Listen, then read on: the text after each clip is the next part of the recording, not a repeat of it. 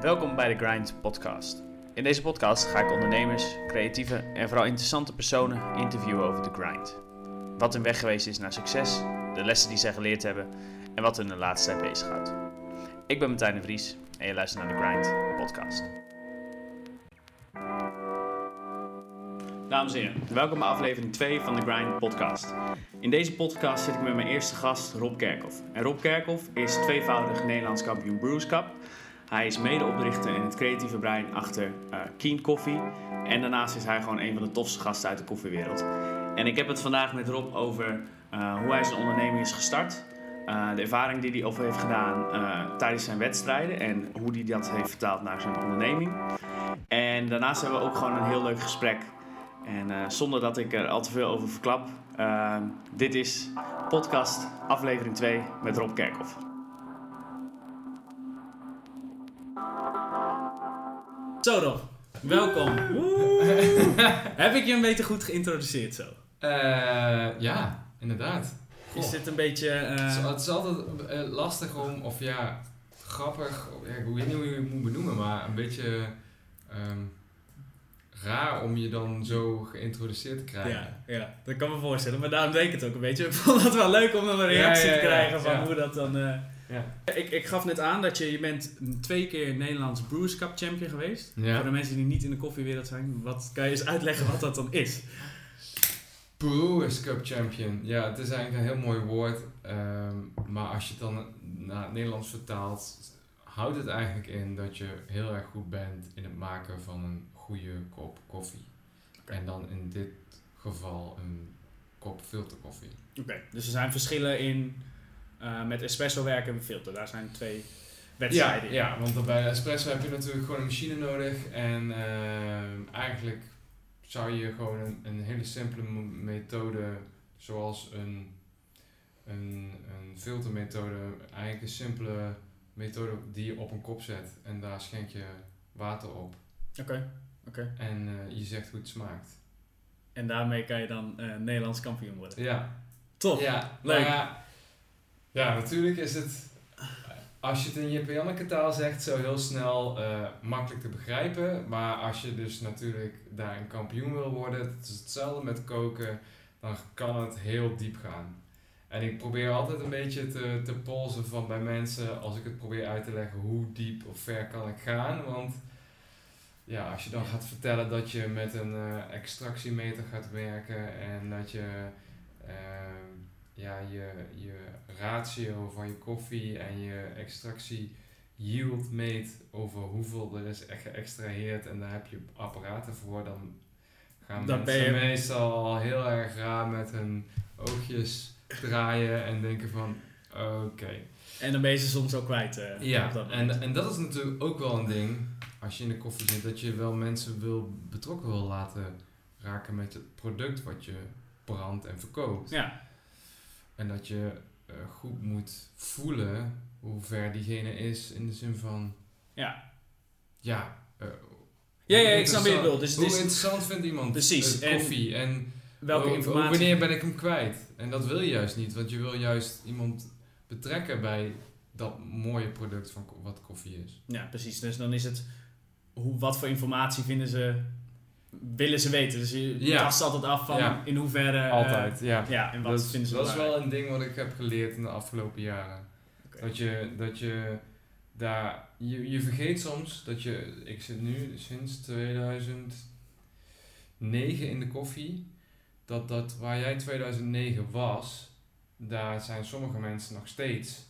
En misschien nog wel zelfs verder terug. Ja. En waar ik dan in 2009 was, dat, soms moet je je daar weer in verplaatsen. Ja. ja. Om, een, om een persoon, je, jij hebt al zoveel kennis, maar die persoon... Hoe vertaal je dat naar een ja. schoonmoeder of een, een, een, een huisvrouwtje die, ja. uh, toch? Die er niks van weet. Oké. Hey, en um, eigenlijk waar ik even mee wilde beginnen, kan je misschien een beetje uh, achtergrond geven van hoe ben jij in de koffie terechtgekomen? Hoe ik in de koffie terecht ben gekomen? Ja, eigenlijk heel. Uh, heel nou, is, is het stom? Ik weet het niet, maar.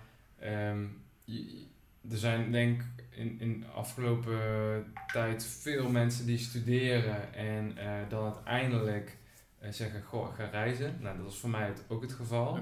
Ik wilde nog niet de werkmarkt op, want ik had zoiets van, oké, dit is een moment om dan echt een lange reis te maken. Ja. Samen met een, een, een, een vriend, studiegenoot, Ranier, zijn we toen eh, eigenlijk een one-way ticket naar Nieuw- naar Nieuw-Zeeland hebben we toen geboekt. Vet.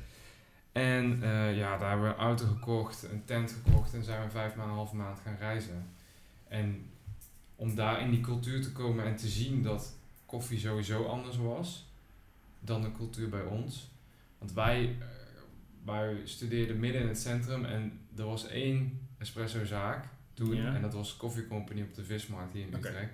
Ja. En wij gingen dan af en toe e- even een espressootje drinken in de pauze.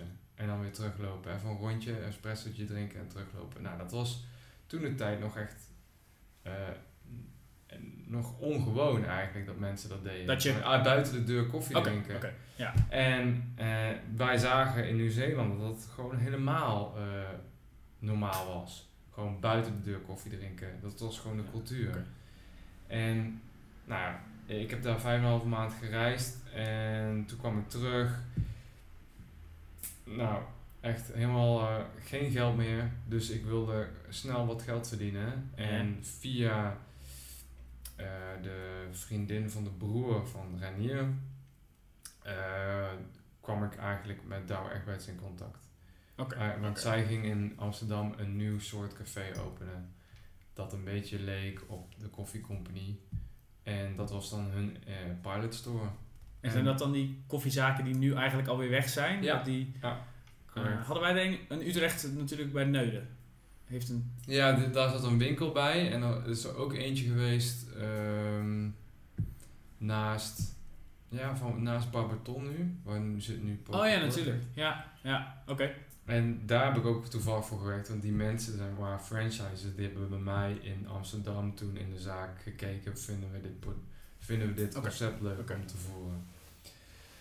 Maar ja, goed. eh, ja, eigenlijk kom je heel bleu in, dat in, eh, in dat... ehm, bij Douwe Egberts binnen. Want ik was misschien twee dagen terug van mijn reis. En ik, de, de dag daarna had ik een interview. En toen zei ze volgende week begint een driedaagse cursus. Oké. En zij hadden wel echt al een cursus gewoon van oké, waar komt koffie vandaan, van boon tot kop. En dan Ja, ook echt een één dag vol trainen over hoe je je molen moet afstellen, hoe je moet opschuimen. Dus ik werd wel echt gelijk gedrild. Ja, En dat greep me wel, dat ik zoiets had van wow, er zit zoveel meer achter dit product. En zoveel arbeidsuren voor dat simpele kopje koffie. Dat, dat fascineerde me zo enorm. Dat ik- intrigeerde je wel. ja, dus het heeft me gegrepen. Oké. En, ja, daar Zodoende ben je daar gaan werken. En, eh, gaan werken en uiteindelijk assistent geworden en helemaal gaan focussen op latte art en ehm, eh, oefenen, oefenen, oefenen. En op een gegeven moment wist ik wel, oké, ik ga, wil wel iets met mijn opleiding doen, dat was event management, maar ik wil wel in de koffie blijven. Dus je wilde daar een combinatie van maken dat je... Ja, Oké.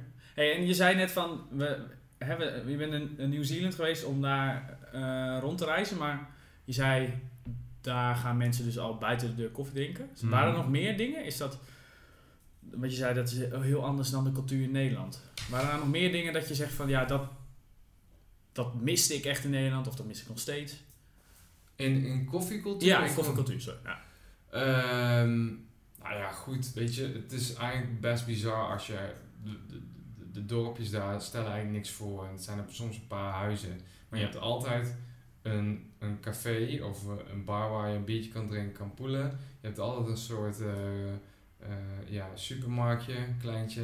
En je hebt een koffiezaakje. Oké. En, dat, en dat- zul je nooit...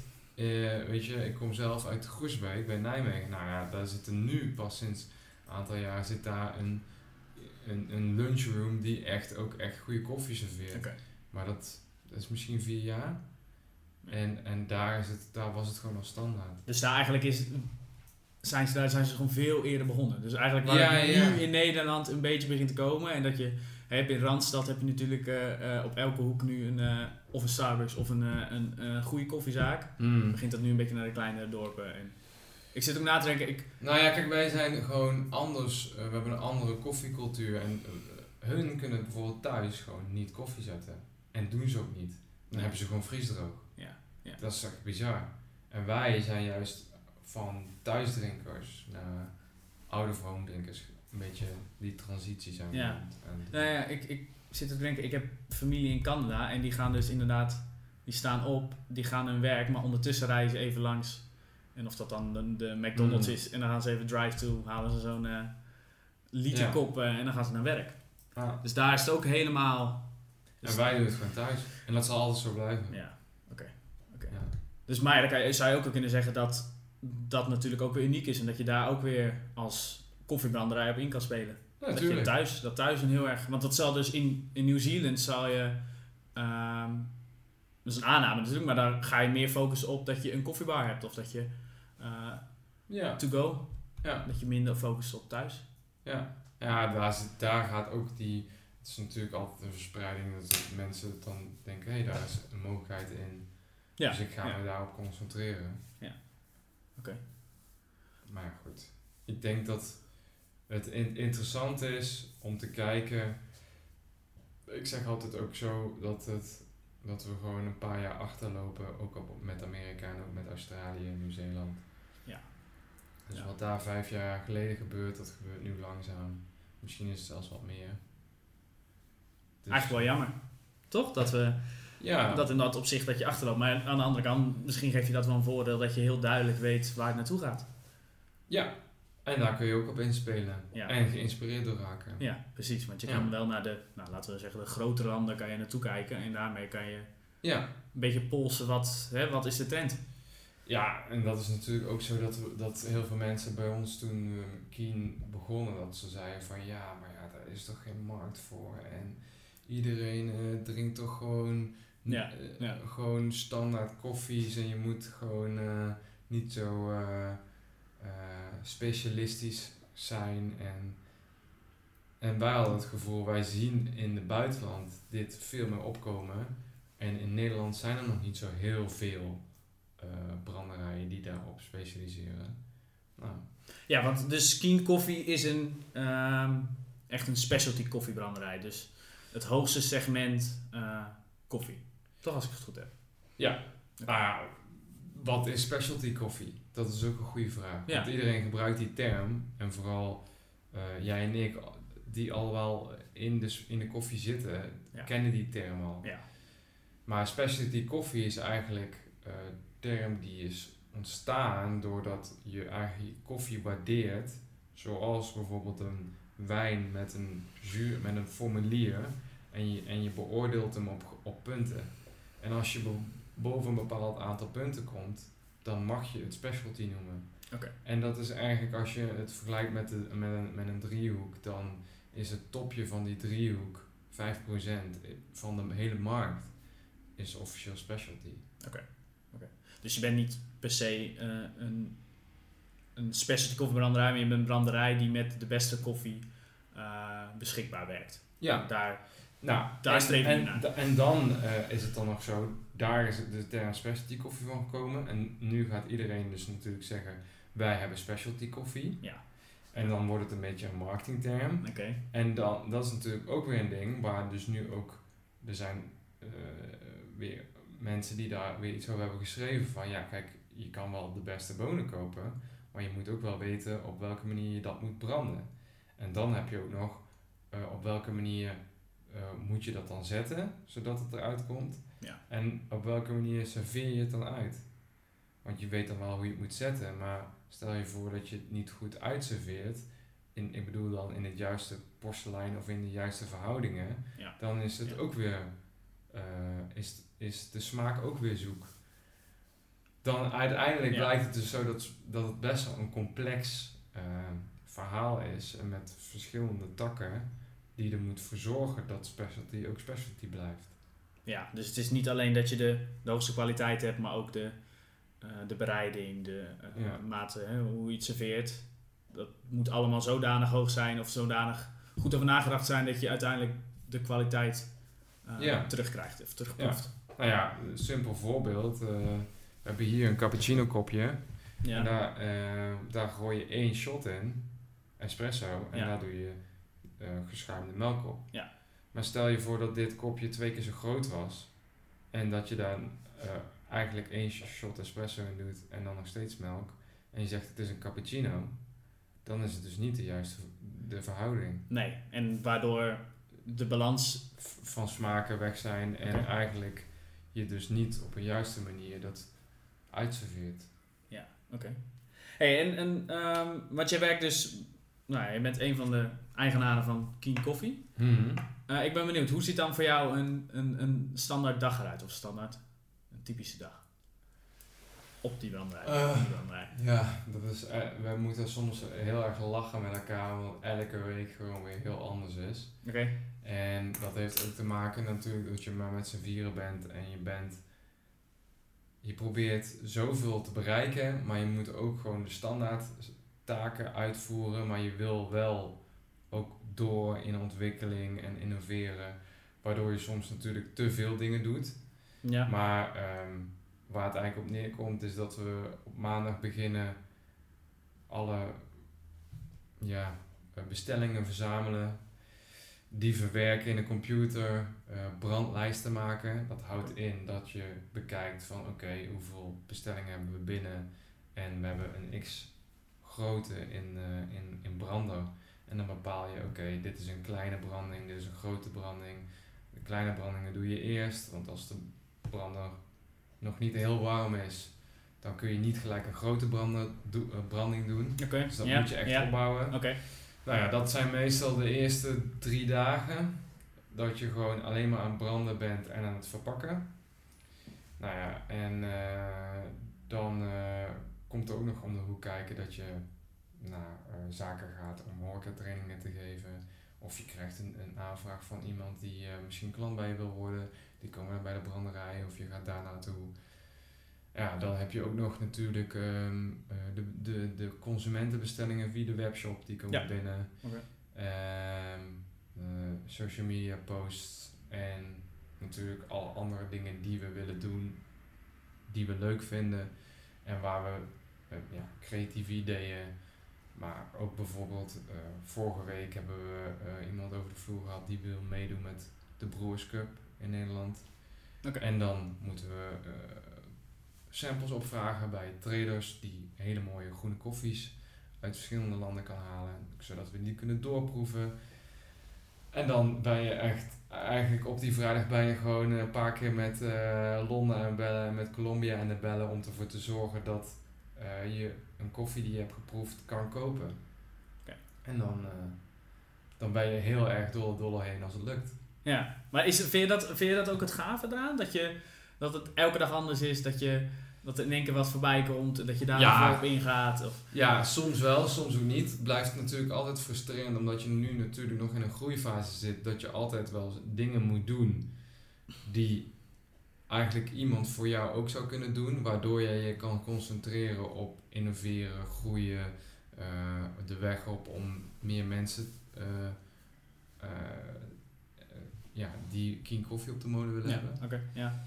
Uh, maar ja, dat is, dat is nu even gewoon soms eventjes slikken. Dan sta je gewoon een halve ochtend uh, of een hele ochtend of een hele middag sta je gewoon domweg uh, koffie te verpakken. Ja. ja. Dat hoort er ook bij. Ja, dat is ook ondernemen, toch? Dat is ook dat je gewoon de... Uh, en je weet dan waar je het voor doet, want hopelijk ga je op een gegeven moment groeien dat je dan kan zeggen, goh, laten we gewoon iemand ervoor aannemen. Ja, precies. En dat je je wel kan focussen op de toch dingen om te laten groeien of te innoveren. Ja. Of, ja. ja. Oké. Hey, en en, en uh, wat je, je geeft aan dat je, ik hoorde een aantal keer zeggen, innoveren. Is dat wel, wat ik las het ook op jullie website, dat jullie dat wel echt hoog in het vaandel hebben. Is dat iets wat, wat in de koffie nu heel erg bezig is? Of is dat iets wat jullie onderscheidt? Um, ik denk dat wij altijd wel, um, en dat mag ik spreek voor ons vieren, dat we altijd wel heel erg geïnteresseerd is, zijn in dingen of machines of eh, technieken om koffies op een andere manier te verwerken. Ja. Om dan uh, ja, een tot een beter resultaat te komen. Okay. En dat um, zie je nu dat, het, dat machines in de koffiewereld groeien echt exponentieel in techniek. Ja. Maar ook de kennis bij de boeren om op verschillende manieren koffie te verwerken. Om daar mooiere eh, smaken uit te halen. Ja. En dat eh, is denk ik altijd waar je bewust moet van zijn. En dat je daar ook ehm, ja, dat probeert te vertalen naar je eigen bedrijf. Ja. En te zoeken naar die, naar die mogelijkheden om daarin te innoveren. Innoveren is dus eh, voor jullie ook wel heel belangrijk. Maar zijn er bepaalde ontwikkelingen die de afgelopen jaren in koffie... Ik weet natuurlijk een beetje vanzelf, van mijn ervaring, dat dat nu wel heel erg speelt. Mm. Maar zijn er grote innovaties binnen koffie die eh, ook een beetje om die vertaling van hele specialistische koffie naar de consument? Zijn daar bepaalde dingen in geweest die... Nou ja, wij, ik denk dat de koffiekampioenschappen altijd bijdragen aan, in, aan innovatie. Want je gaat op zoek naar, om, om op de best mogelijke manier het, dat koffie, die smaak uit die koffie te halen. Ja. En dat is niet dat je dan, en als je dat wil bereiken, ga je heel erg bewust nadenken: oké, hoe kan ik ervoor zorgen dat ik zo bewust word van de brandingen, maar ook op welke manier eh, ik eh, molens gebruik die eh, goed zijn in het breken of breken van het koffieboontje in gelijke, gelijke deeltjes. Want je moet je voorstellen, als je grote en kleine deeltjes hebt, ja, eh, uit één klein deeltje haal je sneller in een x aantal tijd smaak uit dan een groot deeltje. Dus als dat ongelijk is, ja, dan krijg je dus ongelijke smaken. Ja, En dat- precies. En, ja. en, Oké. en dat is in de afgelopen tijd wel enorm toegenomen. In, en ook, maar ook gewoon de, de, de mogelijkheid om eh, boeren die kennis te geven om op een bepaalde manier koffies te verwerken. En dat de vraag er is dat zij dat ook kunnen verkopen. Maar ehm, ja, eh, toen in 2009 wonnen mensen gewoon met een standaard melange van een middelmatige branderij. En dan kom je nu, eh, is dat gewoon niet meer denkbaar. Nee. Dus we- Nee. er zijn natuurlijk al enorme stappen gemaakt in de smaken, maar ook in de bereidingswijze. En dat blijft maar doorgaan. Oké. En, dat is, en ik denk dat zo'n wedstrijd er soms ook voor zorgt dat de markt blijft innoveren. Want er zijn altijd nieuwe eh, manieren om bepaalde dingen eh, te bekijken Ja. en dat toe te passen. En het is, ja, je moet het een beetje vergelijken als eh, bijvoorbeeld technieken die dan ontwikkeld worden voor de ruimte en die dan later in het dagelijks leven worden ingezet. Of voor het leger worden ontwikkeld. Weet je, TomTom was eigenlijk een GPS voor het leger ontwikkeld en nu gebruikt iedereen het dagelijks. Oh, echt waar? Oh, Ja, weet ik ja. niet. Oké, gaaf. Dus dat zijn innovaties die je dan, die eigenlijk worden ontdekt of worden gemaakt en uiteindelijk gaat het dan terug. En, en ik denk dat dat met zo'n wedstrijd ook gebeurt. Weet je, sommige dingen zijn een beetje te ver gegrepen, maar je zoekt wel de limiet op. Ja. En sommige dingen zijn zo simpel dat het leven dan heel erg makkelijk wordt gemaakt voor gewoon eh, in de horeca. Ja, dus die, die wedstrijden die plaatsvinden, die... ehm, hè, in, dat iedereen zo specialistisch bezig is, dat zorgt ervoor dat je dat uiteindelijk kan vertalen naar... Ja. Dus daar, die, die innovaties die daar komen, die zijn, zullen uiteindelijk een, een jaar of een aantal maanden later in Mm. gewoon een horecazaak Nou of bij de consument terechtkomen. Kijk, voor iemand die niet in koffie zit, is het heel moeilijk te begrijpen. Maar eigenlijk is koffie zo'n lastig product om constant te zetten. Omdat je dus heel veel verschillende factoren hebt die afhankelijk zijn om koffie te zetten. Ja. Dus je wil dat eigenlijk allemaal, eh, je wil al die constanten wil je gelijk hebben, zodat je weet dat je continu dezelfde koffie zet. Nou ja, vroeger was het dus niet denkbaar om eh, dat je een machine had die bijvoorbeeld de hoeveelheid die wordt gezet in je kopje te wegen. Want als je continu dezelfde hoeveelheid in je kopje krijgt, in dezelfde hoeveelheid tijd, met dezelfde maalgraad, dan heb je een, een constante kop. Ja. Nou ja, dat, dat was vroeger niet. Ik weet nog dat ik met wedstrijden gewoon moest leren om uit mijn hoofd te tellen. En dan telde ik gewoon 21, 22 tot 25 seconden of 27 seconden, want dat was dan de, de tijd. En dat was dan oké. En dan moest ik gewoon op eh, stop drukken. En dat was voor mij een, een, een meetstaaf om te zorgen dat die koppen gelijk waren. Nu denk je er niet meer aan, want je hebt gewoon weegschaaltjes. Ja. Je zet een weegschaaltje onder, je weegt wat in het kopje komt. En dan weet je dat het continu altijd hetzelfde is. Ja.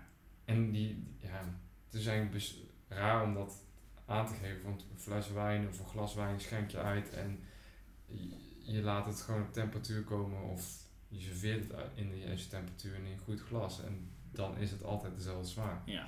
Dus- koffie is dat veel complexer. Maar er zijn dus wel, wat je zegt, nou, machines, eh, malers, die zijn allemaal zo weldadig ontwikkeld die Ja. Nou ja, je hebt nu eigenlijk een beetje het menselijke aspect. Dus want je zegt van, ik, vroeger telde ik gewoon. ja, je en dan was dat goed, en nu is het- ja. ja. Is dat allemaal zodanig strak te krijgen dat dat de kwaliteit ten goede gaat? ja.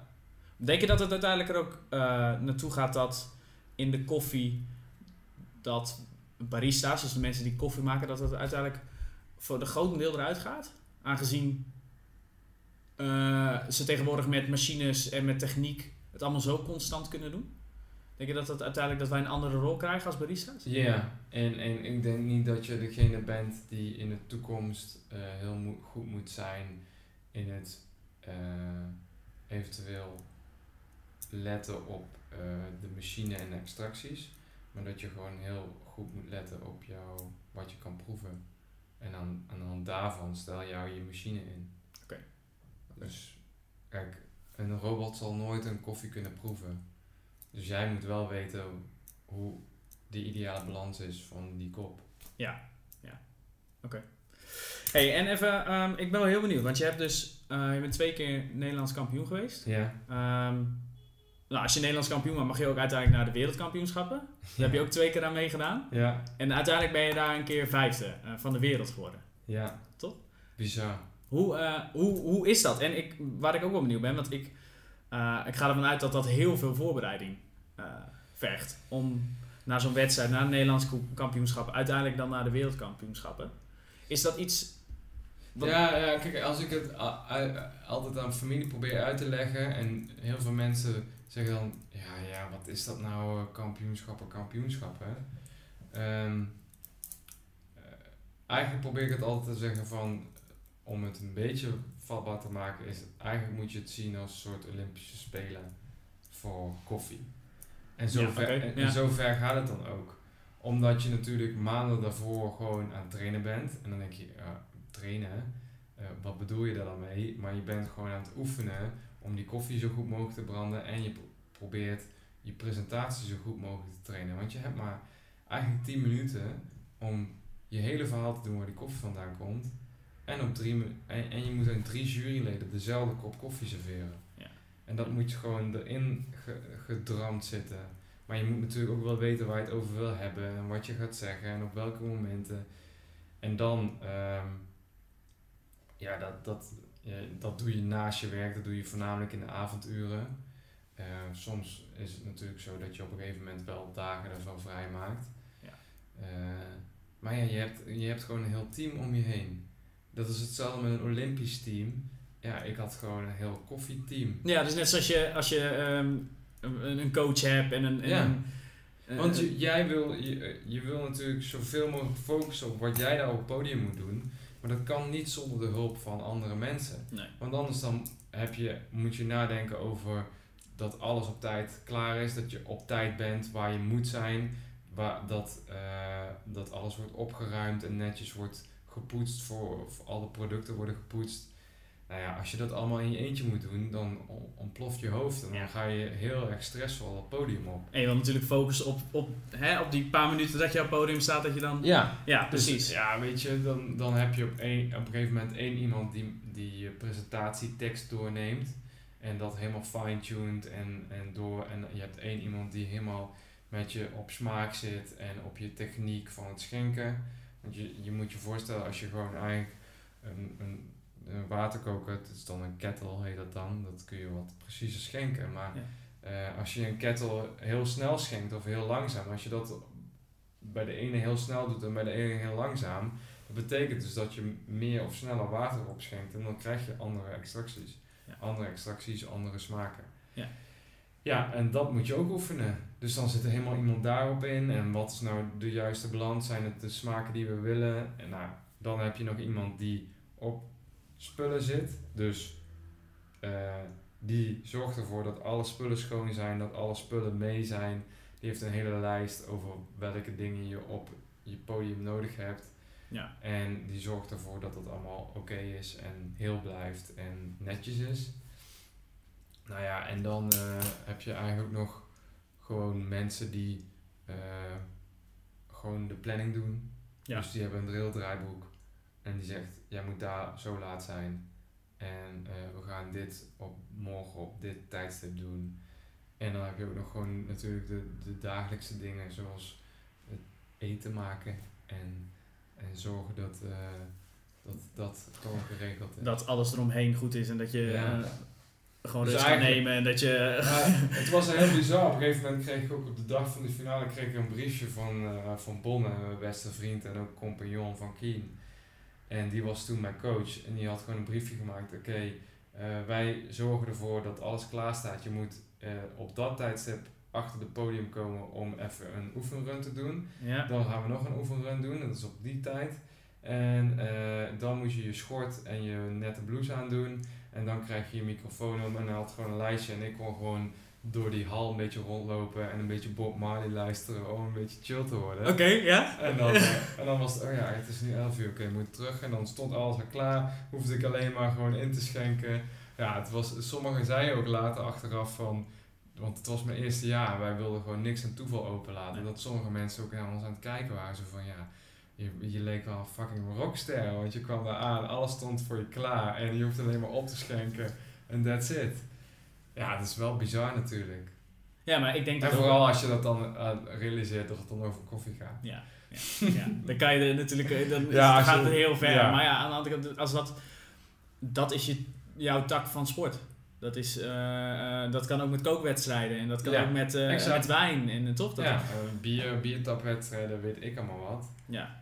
Ja. Hey, maar, ehm, eh, oké, je hebt dus meegedaan met die wedstrijden, maar je moet daar ook wel echt eh, de moeite voor willen doen om daar zo extreem in te oefenen en dat allemaal voor te bereiden en de energie en tijd daar eh, in te steken. Is dat Ja, sowieso een bepaalde Wil, ja, een bepaalde wilskracht en een bepaalde ehm, doel op het einde van de horizon. En dat wil je bereiken. En dan, Ja. gaat, dan laat je alles daarvoor vallen. En is dat iets, ben jij van jezelf al competitief ingesteld? Of Ja, vroeger denk- al eh, met schaakwedstrijden mee? Of, eh? Ja, ik denk, eh, het is wel grappig, want eigenlijk vanuit vroeger, ik denk dat het wel een beetje gegroeid is, omdat wij in ons dorp hadden we een soort spelletjesweek op het einde van de laatste week van de basisschoolvakantie. Daar heb ik zelf ook nog in het bestuur van gezeten. Oké. Omdat daar altijd een soort spel werd gedaan en dan moest je gewoon competitief met een groep spelletjes doen. En dan wilde je altijd winnen. En je kreeg ook gewoon vette prijzen of een beker of een medaille, maar je kreeg ook gewoon simpele prijzen of iedereen kreeg een ijsje of zo. Maar dan ging je echt helemaal in op. Oké, dus het is wel iets wat van jou al... Ja, ja, het zit wel, dat competitieve zit er wel een beetje in vanuit familie. Kijk, als wij eh, een, een eh, kerk- of familiedag hebben, dan eh, gaat het er altijd hard op in, in, in Ja? enthousiasme en, en, en ja, we zijn wel eh, met z'n allen dan wel, eh, willen altijd wel winnen. En, Maar dat maakt het ook wel gezellig. dat, tuurlijk, dat is ook wel leuk, maar dat, dat zit dus wel in je. Ja, ja. Want zou bijvoorbeeld ehm, Bonne, zou die, zou die ook mee kunnen doen in wedstrijden? Of is, het, is hij Ja, ja, ik heb hem ook wel aangemoedigd daarin. Oké, dus hij is ook wel zo competitief. Of is er een, een reden geweest waarom jij van Nou ja, ik, het punt was toen de tijd was het gewoon zo dat ik gewoon mezelf wilde ontwikkelen. En ik wist dat wedstrijden, eh, om ergens op te focussen, ik heel veel kon leren. En eh, dat heb ik toen ik werkte bij eh The Village hier in Utrecht. Toen heb ik op een gegeven moment gezegd, oké jongens, dit wil ik leren. Ik Ja. wil beter worden in dit en ik wil beter worden in dit. En, Ja. en, en dit ga ik op deze manier bereiken en dit ga ik op deze manier bereiken. En gewoon eigenlijk een lijstje van ja, dit wil ik het komende, het komende jaar doen. En er waren twee dingen en dat was gewoon beter worden in latte art en beter worden met koffie zetten en barista. Eh, en dat wilde ik gewoon met die barista kampioenschappen doen. En toen ik eindelijk Bonden leerde kennen en samen eigenlijk eh, gingen werken met elkaar, toen had ik dus eigenlijk die twee andere dingen. En toen zag ik eigenlijk wel van, oké, ik heb nog geen uh, filterkoffie, dat heb ik nog niet meegedaan. En die wedstrijd was best nieuw. Ja. En ik had zoiets, ja, dat wil ik gewoon, daar wil ik me nu op gaan Ja. focussen. Ja. En toen kwamen we achter een hele mooie koffie. En toen zei Bonne zelf ook al van, ja, ik baal nu eigenlijk wel dat ik zelf niet meedoe. Oké. Nou, wellicht nog in de, in de toekomst Ja, dat hij, ja, zeker. dat jij eh, Ja, meer de coaching eh, rol aan gaat nemen. ja toch? leuk. Lijkt me dat. Dan zie je het wel. dan ben jij degene die het lijstje maakt met om ja. 8 uur ontbijten en om 11 uur klaarstaan. Ja, ja. Ja, je moet, ik moet wel zeggen, op een gegeven moment, na twee jaar, want ik heb het dus achter elkaar gedaan, dan is het op een gegeven moment ook klaar. Want als persoon continu op dat limiet zitten Ja. van, eh, dan heb je altijd een bepaalde spanning die je meeneemt, onbewust. Ik ging ook veel meer met me in de slaap met mijn tanden knarsen en, en eh, ja, ik voelde altijd een bepaalde druk, kon niet meer genieten van de kleine dingen en niks was goed. Weet je, je verandert een beetje als persoon, want je wil het beste eruit halen, omdat je continu met die wedstrijd bezig bent. En dan, dan zit je gewoon op elk klein dingetje te fitten of te zeiken. En dan denk ik bij mezelf, ja, op een gegeven moment is het ook klaar. is, dat dan, is dat een soort van perfectioniste? Perfectionistisch? dat, je. Ja. dat je zo graag het goed wil doen, dat je zo. Ja, ja, ja. Dat je daar een beetje. Nou ja, ik ben daar ik ben heel perfectionistisch. Ja. Oké. En dan ook nog competitief, dus dan, ja, dan versterkt dat elkaar. Tot, Ja. tot aan dat het eigenlijk eh, negatief begint te worden. voor jezelf ook. En dan mer- merk je dus dat ehm, je, je zet alles opzij daarvoor. Dus je hebt bijna geen sociaal leven meer. Of in ieder geval, je neemt daar geen tijd meer voor. Nee. Eh, ja, en dan denk ik ook van, ja, weet je, vroeger was het allemaal gewoon wat relaxter en leuker. En ik merk nu, dat ik nu, dus het tweede, tweede jaar dat ik niet meer meedoe, dat dat, dat wel eh, echt heel veel verschil maakt. En ik denk dat het altijd ook een balans moet zijn in hoe ver je door laat slaan. Ja. En, en ook daar bewust van moet zijn. Want anders dat is hetzelfde met gewoon dingen ontwikkelen of door, eh, weet je, met, het is, als je ondernemer bent, zit je nooit stil en je bent, eigenlijk werk je naar een doel toe. En als je daar dan eigenlijk bent, dan denk je, oké, mooi, wat is het volgende doel? Maar je staat bijna dan nooit stil van, goh, kijk eens even achterom en wat je nu eigenlijk al bereikt hebt. Nee, want dat heb je nu bereikt, dus het kan nog beter. Dus je gaat weer door naar het volgende punt. Ja, precies. Ja. Oké. En, dat, en, en dat is wel een- iets waar je bewust van moet zijn. Want als je dat niet doet, dan blijf je maar doorgaan, blijf je maar doorgaan. En dan is het einde zoek. En dan eh, geniet je niet meer van de dingen die je op dat moment hebt. En Een beetje mindfulness. Is dat iets ook wat je nu meeneemt in je. Wat je daar geleerd hebt, wat je ook meeneemt in ondernemen? Dat je. Want je, je zei net al eerder, continu innoveren. We zijn continu bezig met het bedrijf groeien, hè, kijken naar nieuwe mogelijkheden. Is dat ook iets wat je vanuit die wedstrijd mee hebt genomen? Dat je zegt van oké, ik moet misschien wel wat meer kijken van hier staan we en dit hebben we al. En, Ja, maar dat is lastig. Oké. Dus, weet je, ik merk, weet je, laatst hadden we afgelopen vrijdag zeiden we ook, ja, we willen eigenlijk te veel. We willen gewoon te veel. We kunnen dat niet voor elkaar boksen. En dan denk ik bij mezelf, ja, ja, te veel willen, te veel willen. We moeten eigenlijk gewoon iemand hebben die de dagelijkse dingen die we, die iemand anders ook makkelijk kan erbij hebben. Dan kunnen we tenminste doorpakken. Ja, en dan kan je ook. Maar ja. ja, het is wel zo van dat we zoveel leuk, omdat het zo leuk is, kom je dus eh, steeds met nieuwe eh, inzichten, nieuwe manieren, nieuwe ideeën. En ehm, ja, dat is denk ik ook het ondernemen. Je, je, bent je, je, je bent een ondernemer omdat je daarvan houdt. Je wil dingen aanpakken en eh, naar een volgend niveau brengen. Ja.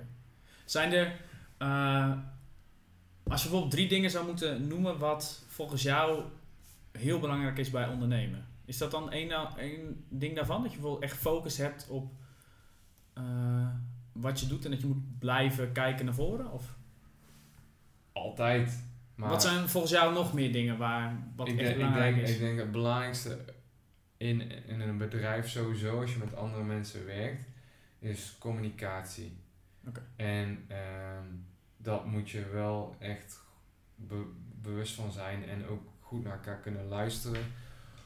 Om er bewust van te zijn hoe iedereen zich voelt en om, eh, om daar ook, of je, je werkt met verschillende karakters. En dat kan soms botsen. Ja. Dus eh, dat zorgt er wel voor dat je, de- je moet daar wel bewust van zijn en ook weten hoe iemand in elkaar steekt en dat ook kunnen accepteren of in ieder geval rekening mee kunnen houden. Want anders gaat het gewoon, dan kun je beter gewoon in je eentje een bedrijf gaan, gaan, gaan, gaan voeren als je dat niet kan. Ja. En eh, ik denk dat dat wel een succes, succesding is, dat je daar bewust van bent en dat je het ook, ook zo in je bedrijf eh, implementeert dat dat continu naar voren komt. Ja. En ehm ander ding is natuurlijk gewoon ehm, eh, bewust eh, denken en weten waar je naartoe wilt en waar je voor staat. Dus de, de, de, Altijd reflecteren naar van oké, waarom zijn we dit bedrijf begonnen? Wat willen we nou doen? Waarom willen we dit? En als we dan een idee hebben, dan moet je het reflecteren met waar je als beginsel je bedrijf mee hebt begonnen. Je, je ja, hoe noem je het? Je missie of je, je visie. ja, je missie en visie, je, Je- kernwaarden. Je, kernwaardes, weet, weet je, al dat soort eh, dingen. Die hebben we allemaal natuurlijk van tevoren, voordat we dit zijn begonnen, opgeschreven. En daaraan reflecteer je het. Ja. En anders dan doe je maar, ga je maar gewoon lukraak dingen doen, wat totaal niet past bij waar je eigenlijk voor staat. En ik denk dat dat ook een belangrijk aspect is. Dat je weet waarom je bepaalde zaken doet. En daarin ook je strategie heel bewust kan kiezen. Oké, dus je, je kernwaarden, je, je missie en visie is heel belangrijk. Communicatie. Zei je Mm. dat dat ook, eh, dat je dus met degene met wie je werkt, dat je daar Ja. hè, open in bent en dat je gewoon dingen met elkaar kan bespreken? Is er dan nog een derde waar je zegt van dat is... Ja, nooit genoegen nemen met minder. En wel. En dat. Kijk, ik zeg net, natuurlijk net. ehm, je moet een balans vinden in ergens naartoe werken en dan eh, verder willen. Ja, Maar de eh, professionaliteit komt natuurlijk ook door eh, de, de kleine dingen. En ik weet nog altijd dat, dat vroeger zat ik altijd kijken naar de, nieuwe Apple producten die gepresenteerd werden. En eh, dat, dat, dat Steve Jobs dan altijd aan het zeuren was over elk klein klote detail en buttentje.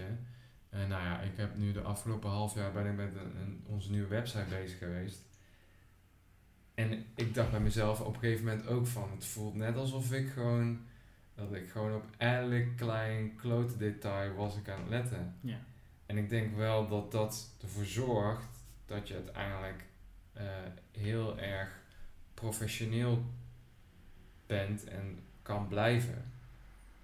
Eh, omdat je zo op elk detail kan letten. En, ja. en dus eigenlijk nooit, weet je, het is natuurlijk eh, gek om, ik spreek misschien mezelf een beetje tegen nu, omdat ik zeg, ja, je moet niet elke keer verder willen en eh, eh, beter willen. Maar eigenlijk is dat wel een, een, een grondslag. In de zin van, goh, oké. Kan, het, kan het misschien nog iets beter? Ja, het is... we, hebben we hebben dit nu, oké, maar het werkt eigenlijk misschien, het kan nog beter werken als we dit doen. Of aanpassen. Is het een, maar het is toch ook heel goed om, om kritisch te kijken naar je bedrijf, naar je, eh, ehm, je mensen en je producten. Dus, dan, Ja, dus het is goed natuurlijk om, om continu te blijven kijken naar hoe kan ik innoveren, hoe kan ik het verbeteren, hoe kan ik mijn klanten beter bedienen. ja. Dus in dat opzicht is het dan toch eh, Ja, wel goed, maar je moet daar ja eigenlijk is wat dus daar, niet, daar moet je niet in doordraaien en Ja. dat je te perfectionistisch wordt en dat je echt die kleine dingetjes zoals Steve Jobs. Nou ja, ja dat, dat maakt natuurlijk een, een, een, een, een bedrijf als Apple Apple. Dus ja. Nou ja, als dat in je, ik denk dat, dat als het ook in je, echt in jouw kernwaarde of echt in jouw missie en visie zit, dat jij, eh, dat jij zodanig eh, eh, perfectionistisch of dat je zo specialistisch bezig bent, dan Ja, Dan kan natuurlijk. dat. Want Dan wij kan willen natuurlijk de perfecte koffie en mensen Ja. laten ervaren. Ja, precies. Dus dan En is, het, dan is het ook aannemelijk dat je zo eh, Hmm. door blijft gaan. Ja. hey, en ehm, ik had eigenlijk nog... Dat is wel leuk, want we hebben nu... Je hebt een beetje verteld over Keen en, en waar jullie voor staan en wat jullie doen. Maar ik ben ook wel benieuwd naar jou van... eh, je, je hebt dus wereldkampioenschappen. Nou, dat is wel een, een succes eh, wat je hebt geboekt. ja. Is er nou ook een... Als je eh, je grootste fout, of echt waar jij denkt van... Als ik mezelf... eh, eh, als ik nu naar mijn jongere zelf zou mogen zeggen... Had dat niet gedaan? Of had dat anders gedaan? Wat zou dat dan... Ja, dat is altijd lastig, omdat ik. ehm, spijt zal ik nooit hebben, omdat ik uiteindelijk dan kijk waar je dan nu bent en dan heeft het je ook sterker gemaakt. Ja. Dus is het dan zo dat je het.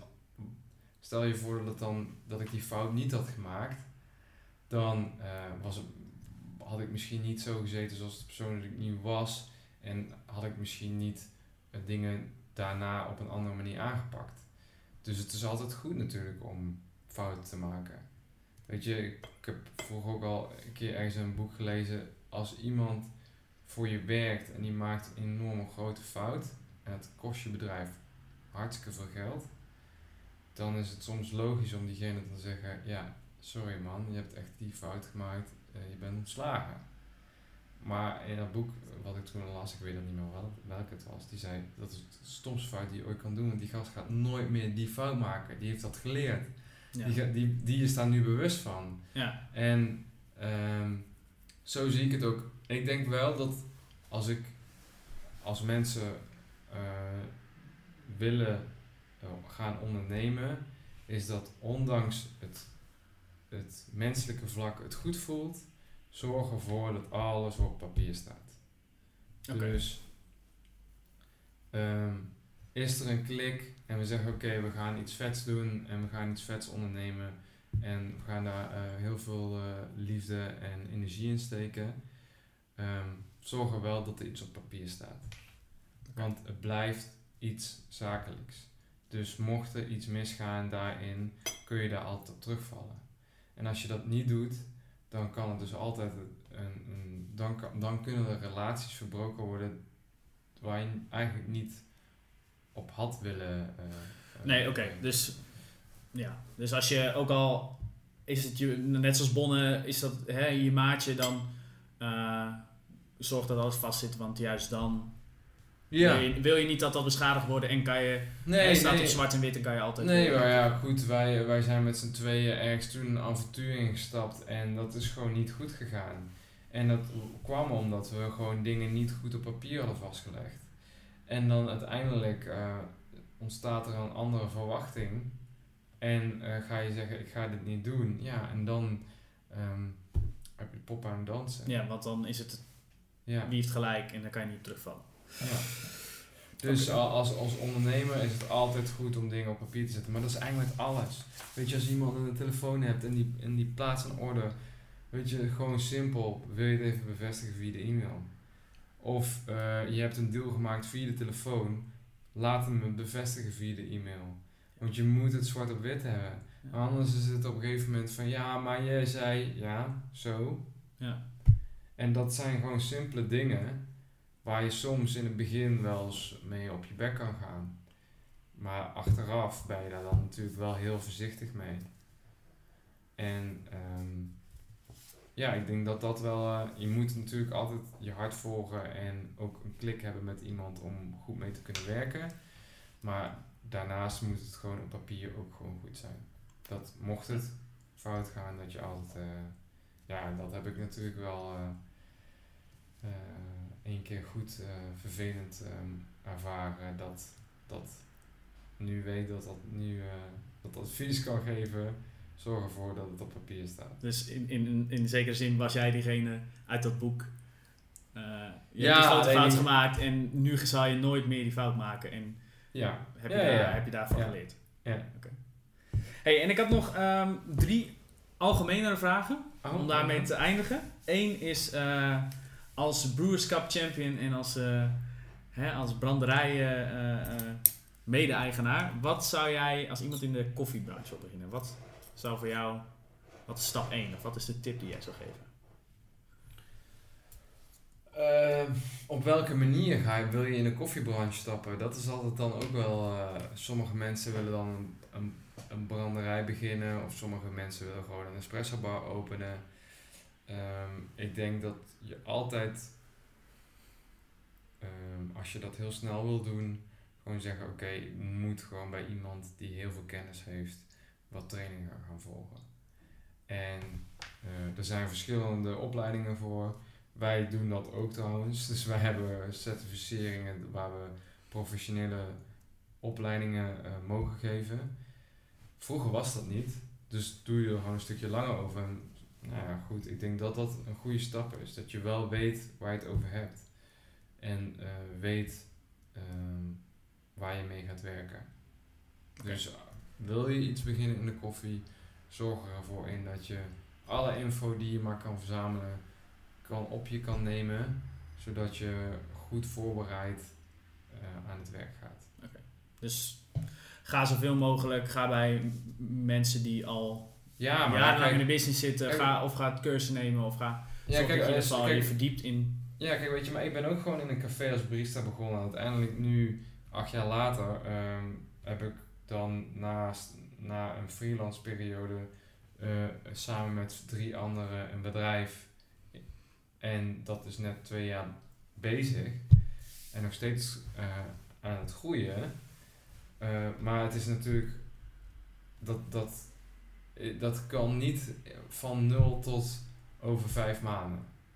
Dus als je zegt van oké, okay, ik vind koffie nu leuk. En ik ga nu een eigen bedrijf beginnen. En ik ga eigen koffie branden. Ja, ja, ja tuurlijk uh, mag je dat proberen. Ik zou je niet tegenhouden. Maar ik, ik zou altijd aanraden om dat wat te verbreden in tijd en eerst mee te kijken, te ervaren en te leren en dan langzaam te werken naar dat moment. Dus dat je uh, neem je tijd, zorg dat je alle informatie krijgt. Uh, ga hè, e-, e-, echt trainingen volgen, ga echt je kennis ja, vergaren. Ja, zodat ervaring je daar, opdoen. Ja. Want je kunt wel heel veel theoretische kennis krijgen, maar praktijkkennis die krijg je alleen maar in de praktijk. En dat, uh, dat moet je gewoon in de praktijk leren. En dat kan niet gewoon binnen een half jaartje. Dus het is meer zo van ja, ik zou altijd zeggen, ga gewoon meedraaien. Als je ergens een droom hebt om dat ooit te doen, dan heb je ook veel meer vertrouwen in jezelf als je al meerdere jaren bij meerdere mensen hebt gekeken die succesvol zijn. Ja. En dan. Uh, Oké hey, en een um, algemene vraag. Is er een, een boek of een film of een serie of een documentaire of iets in die trant die jij de luisteraars, kijkers zou meegeven? Uh, zou aanraden? Inspirerende... Ja, nou ja, je, geeft net, je zei net van ik heb een boek waarbij ik... Hè, dan wist je de titel dan niet van, maar is er iets... Of een hele gave... Of misschien wat je de laatste tijd bezighoudt. Kan ook gewoon een, een Netflix-serie zijn. Ja, Genoeg. Ik kijk best wel veel Netflix eigenlijk. Ja, en nou, ik ook. Dus dat, uh... dat, komt eigenlijk ook door mijn vriendin die, die studeert uh, uh, televisie, filmwetenschappen. Ah, oké. Dus dat is dan, en dan denk ik, oh mijn god, welke, welke series zijn goed en inspirerend. Um, heb je een Netflix-serie die je heel inspirerend vond? Ik heb bijvoorbeeld Chef Stable, vond ik super gaaf. Heeft natuurlijk Oh, in, verlenging. Aflevering 4 About Earth and Fermentation. Die? Ja, ja, ja, kan me herinneren, ja. Over het kaas maken en dat soort dingen. Dat heeft heel veel met, ook met koffie te maken. Um, wat ik eigenlijk elke gast wil vragen is... Waar kunnen we jou of je bedrijf online vinden? Waar moeten we allemaal heen gaan om Rob Kerkhoff of Keen te vinden? Uh, online, dat is uh, Keen Koffie. En Keen schrijf je met uh, K-E en, en koffie in het Engels.com. Oké. en en dat is nu de, de nieuwe plek waar ons hele verhaal op staat. Hoe we dingen zien en hoe we dingen willen aanpakken. En ja, hopelijk kan dat een keer ook offline komen. Maar wie weet zitten we dan wel weer een keer om de microfoon om daar over te hebben. Leuk, leuk. Nou, dat Daar hou ik je aan. Dat zou ik eh, leuk vinden. Hey, een allerlaatste vraag. Eh, wie zou jij, en dat mag iedereen zijn in de wereld, wie zou eh, ik volgens jou nog een keer zo moeten interviewen? Wie zou ik nog moeten interviewen volgens jou?